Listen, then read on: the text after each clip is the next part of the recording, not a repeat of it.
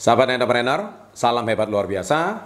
Kali ini saya akan membahas sebuah topik yang dihinggapi oleh jutaan bahkan miliaran orang di seluruh dunia, yaitu tentang malas. Topik saya kali ini adalah tiga cara mengatasi rasa malas.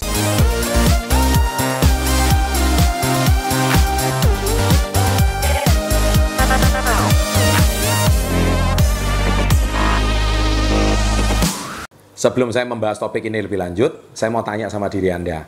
Apakah Anda sendiri adalah orang yang pernah dihinggapi rasa malas?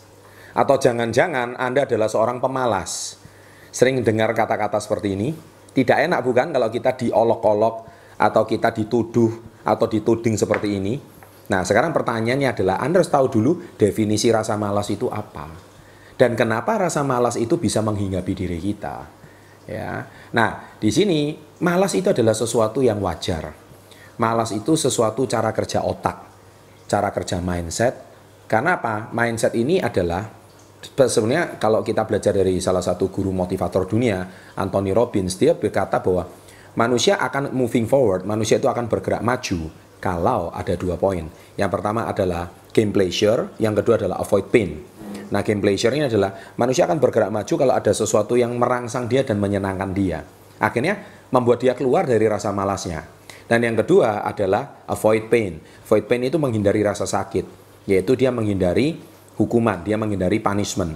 Nah, di sini membuat manusia akhirnya terpaksa dia keluar. Nah, ada kata terpaksanya. Nah, kalau Anda tidak punya dua poin ini, besar kemungkinan Anda akan sudah dihinggapi rasa malas. Dan celakanya, banyak orang pemalas dia tidak sadar kalau dirinya seorang pemalas. Oke. Nah, di sini saya akan membahas seperti judul saya di awal, tiga cara menghadapi rasa malas. Yang pertama, Anda harus buat target atau goals yang jelas. Kalau Anda punya target yang jelas, niscaya Anda akan tidak punya rasa malas. Contoh, Anda misalkan target tahun ini, ya saya mau beli motor, contohnya ya Anda buat resolusi ya targetnya jelas maka Anda akan bekerja mati-matian berjuang mati-matian untuk bisa punya motor. Contoh lagi Anda punya target yang jelas. Saya mau lulus kuliah eh, 8 semester contohnya. Ya itu umum sih 8 semester itu umum. Ya bukan 6 semester atau 7 semester. Nah saya akan bergerak cepat supaya tidak membebani orang tua uh, dalam biaya kuliah dan sebagainya. Nah itu targetnya jelas. Dan Anda tidak akan bermalas-malasan kuliah. Tidak akan bermalas-malasan belajar. Contoh, mungkin Anda bekerja di luar negeri saat ini. Ya, saya punya target, saya mau mengumpulkan kekayaan sekian supaya saya tidak perlu lagi bekerja di luar negeri. Nah, targetnya itu jelas. Akhirnya Anda tidak punya rasa malas. Contoh yang paling gampang adalah anak saya sendiri, putra saya sendiri. Putra saya saya latihkan olahraga taekwondo. Ya, kalau tidak ada ujian, tidak ada pertandingan, dia latihannya juga ogah-ogahan biasa-biasa aja, ya kan? Tetapi kalau ada ujian, ada target, ada pertandingan, ada goals, nah dia latihannya akan semakin rajin. Nah, sama. Itulah cara kerja otak manusia. Ketika Anda punya target, Anda sedang dirangsang. Contoh yang paling gampang lagi adalah besok kalau Anda mau bangun pagi. Ya, Anda mau pergi keluar kota. Biasanya Anda mungkin bangunnya jam 8 siang, jam 9 siang. Tetapi ketika Anda mau bangun pagi karena ada keluar kota, Anda sudah set target yang jelas besok pagi saya harus bangun jam 5 pagi. Nah, Anda memberikan sebuah message kepada otak Anda, saya harus bangun jam 5 pagi. Nah, secara nggak langsung pikiran bawah sadar Anda merekam bahwa besok pagi ada jam 5. Nah, goalnya jelas, targetnya jelas. Nah, akhirnya Anda bisa bangun tepat sebelum jam 5 mungkin. Ya, atau Anda mungkin bangun pas jam 5. Nah, beda sama kalau Anda targetnya nggak jelas. Contoh, saya berusaha bangun pagi besok. Atau saya akan membuat uh, target pokoknya saya ingin bangun pagi. Nah itu nggak jelas karena message-nya nggak jelas. Nah kalau target itu harus buat dengan jelas. Ada angkanya, ada kapannya. Ya saya nggak akan bahas di sini. Anda silakan tonton video yang lain. Intinya Anda harus buat target yang jelas. Ini saya rasa malas Anda akan hilang. Ya besar kemungkinan Anda malas karena nggak punya target. Oke? Okay? Nah yang kedua adalah Anda harus punya yang namanya punishment atau hukuman. Tadi saya sudah bahas di awal. Manusia itu akan belajar kalau besok mau ujian.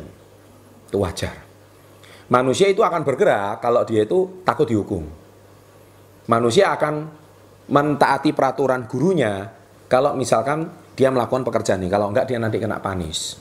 Nah, sama juga Anda besok harus masuk lebih awal, kalau enggak Anda dipotong gaji Anda. Nah, itu ada punishment. Nah, atau Anda harus disiplin waktu. Kalau apa? Kalau Anda setiap 5 menit kena denda. Nah, akhirnya ketika Anda biasa terbiasa terlambat, terbiasa malas, ya bangun siang, ataupun Anda tidak bekerja mengejar target Anda, besar kemungkinan karena Anda nggak punya punishment. Jadi punishmentnya itu hukumannya itu seperti apa. Nah, kalau misalkan Anda sudah tamat sekolah, tamat kerja, tamat kuliah dan sebagainya, Anda hari ini pasti nggak mungkin nggak punya goal lagi. Ya, Anda secepatnya harus mencari pekerjaan. Kalau Anda nggak punya goal lagi, besar kemungkinan Anda akan dihinggapi rasa malas. Kalau Anda dihinggapi rasa malas, bahaya kan apa? Tidak ada yang mempanis diri Anda. Nah, kalau misalkan hari ini Anda nggak punya orang tua yang mensupport uh, kondisi finansial Anda, Anda nggak punya orang tua yang menghidupi Anda, Akhirnya mau nggak mau Anda mempanis diri sendiri. Kalau saya nggak bekerja, saya nggak makan, saya nggak hidup. Akhirnya mungkin Anda terpaksa harus bekerja. Kalau nggak bekerja di sini, Anda terpaksa mencari pekerjaan. Apa pun itu asal halal. Intinya Anda akan keluar dari rasa malas. Karena apa? Rasa malas tidak membuat perut Anda kenyang. Rasa malas tidak membuat cicilan rumah Anda jadi lunas. Rasa malas tidak membuat hari ini tabungan Anda bertambah. Rasa malas tidak membuat Anda hari ini pekerjaan Anda menjadi lebih baik. Intinya Rasa malas bukan sebuah solusi. Jadi karena apa? Anda kurang punishment. Ya, jelas ya. Nah, yang ketiga adalah adanya reward. Nah, reward itu adalah hadiah, ya.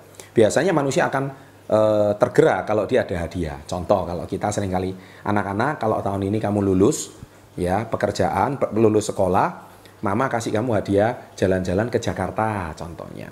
Atau misalkan kalau hari ini kamu pekerjaan nilainya bagus, ya, kamu akan bisa makan-makan di restoran. Nah, itu sebuah reward. Nah, ketika sebuah reward, akhirnya Anda mau belajar. Nah, sering kali Anda mungkin rewardnya nggak jelas.